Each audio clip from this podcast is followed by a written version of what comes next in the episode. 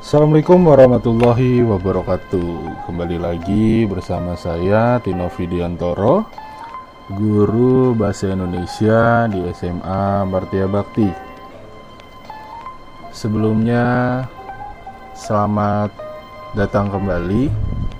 Dan juga Minal izin wal faizin Mohon maaf lahir dan batin Bagi teman-teman kelas 10 Yang sebentar lagi akan memasuki penilaian akhir semester 2 di mana di penilaian akhir semester 2 itu adalah titik awal apakah kalian naik ke kelas 11 atau mungkin tinggal kelas. Tapi semoga kalian semua bisa lanjut ke kelas 11 baik itu IPA maupun IPS nah selanjutnya uh, mungkin pada pertemuan kali ini adalah pembelajaran pertama dan juga nanti ada satu pertemuan lagi sebelum kalian memasuki pekan penilaian akhir semester pada tanggal 7 Juni 2021 itu masih perkiraan ya. Nah, mungkin tidak jauh dari tanggal itu kalian akan langsung melaksanakan penilaian akhir semester. Nah, eh, pada pertemuan kali ini juga saya akan mengulas kembali materi terakhir di kelas 10 semester 2 yaitu teks puisi. Uh, masih ingat apa itu puisi? Uh, saya akan mengulas kembali baik itu pengertian, ciri, jenis-jenis dan mungkin di pertemuan selanjutnya saya akan mengundang salah satu kakak kelas kalian yang mana di awal pembelajaran ini saya sudah janjikan dan insya Allah uh, akan hadir ya nanti itu ada di live stream. Nah, puisi sendiri kalau kalian ingat adalah ragam sastra yang terikat oleh unsur-unsur baik itu rima, mantra, irama, baris dan juga bait. Puisi juga dapat dikatakan sebagai ungkapan emosi, imajinasi, ide, pemikiran, nada, susunan kata-kata, kata-kata kiasan, kesan panca indera, dan terakhir ada perasaan. Bisa juga dibilang puisi itu ungkapan yang memperhitungkan aspek-aspek bunyi di dalamnya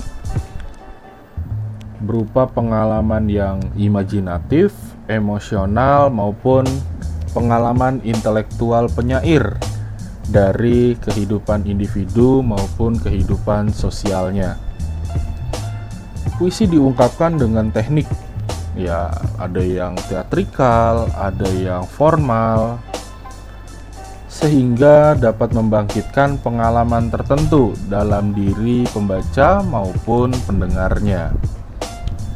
Nah, selanjutnya kita coba ingat-ingat lagi di sini ada yang namanya jenis dan juga ciri-ciri puisi. Jenis puisi yang pertama adalah puisi lama. Nah, puisi lama itu ada yang namanya mantra, pantun, talibun, syair, dan juga gurindam. Sementara kalau puisi modern mempunyai uh, beberapa ciri ya.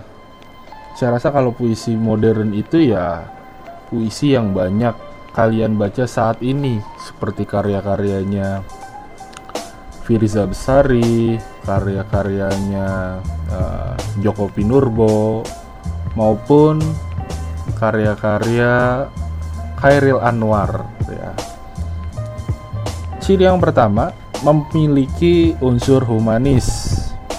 Yang kedua, realistis. Yang ketiga, menyampaikan maksud dengan penghematan kata yang keempat itu menggunakan perbandingan visual secara jelas sampai pada bagian-bagian di uh, bait yang sesuai dengan realitas atau kenyataan. Nah, puisi-puisi modern ini juga memiliki ciri yang sarkasme. Apa sih sarkasme?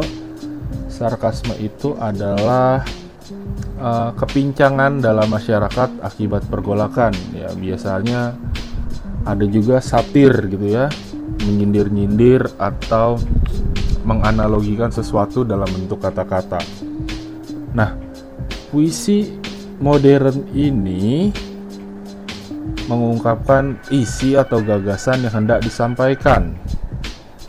Puisi itu uh, secara modern dibagi menjadi tiga, ada puisi naratif, lirik maupun puisi deskriptif. Nah, semuanya ada di uh, bisa kalian dengar ya di Spotify bahasa Indonesia. Pada pembelajaran sebelumnya itu sudah dijelaskan. Bagi kelas 10 IPS 4 itu juga sudah dijelaskan oleh Budwi di live stream pada pertemuan sebelum ini ya mungkin agak lama ya tapi bisa kalian uh, buka lagi Spotify pertemuan terakhir bahasa Indonesia sebelum ini situ sudah banyak dijelaskan Eh, jenis-jenis uh, dan ciri-ciri puisi. Nah, kita juga akan mengulas lagi nih struktur yang ada di dalam teks puisi ya. Yang pertama ada struktur fisik. Struktur fisik itu ada diksi atau pilihan kata. Jadi dalam menulis sebuah puisi, kalian juga perlu memilih kata-kata yang sifatnya mudah atau uh, penyampaiannya tidak terlalu sulit seperti puisi-puisi lama gitu ya. Yang kedua ada pencitraan. Pencitraan ini bukan uh, apa ya? dibuat-buat gitu ya bukan ya, tapi pencitraan di sini adalah seolah-olah pembaca itu merasakan, mendengarkan atau melihat sesuatu yang diungkapkan penyair atau uh, pencitraan ini lebih imajinatif gitu ya. Yang ketiga ada majas. Majas ini adalah bahasa yang digunakan ketika kalian membuat sebuah puisi dengan cara membandingkan benda atau hal lain.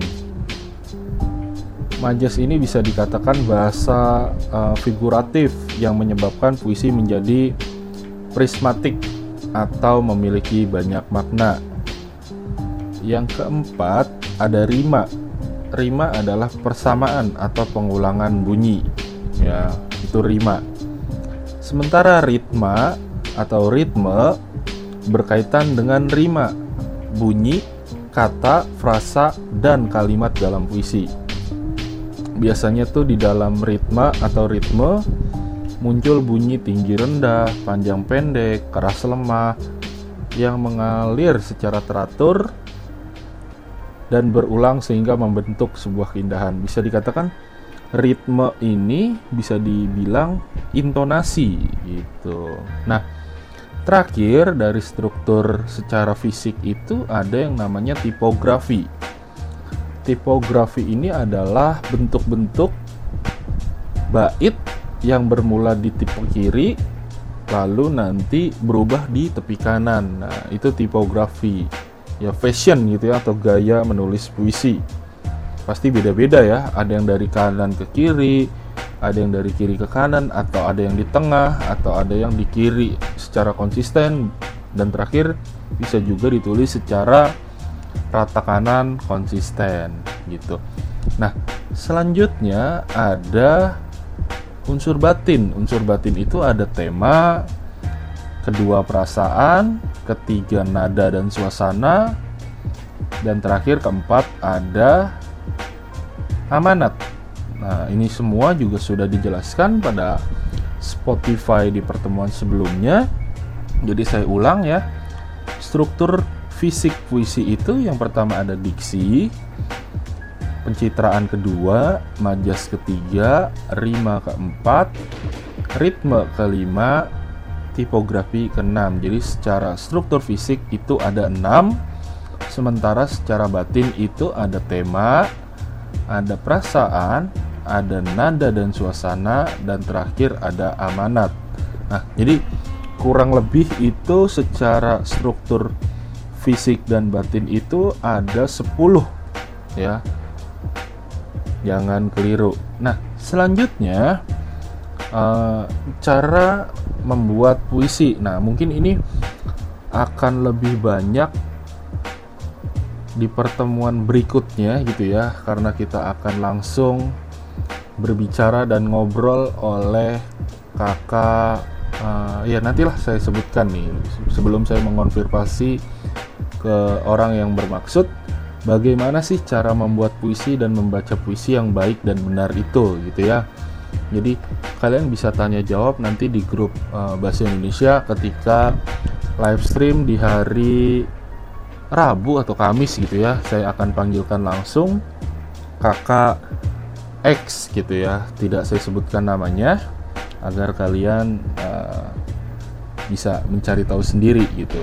Nah oke okay, uh, eh, cukup sekian pada pertemuan kali ini karena sifatnya hanya sebuah pengulasan di mana semua materi ini uh, contohnya di teks puisi ini nanti mungkin akan saya bagikan kembali di grup Mapol Bahasa Indonesia.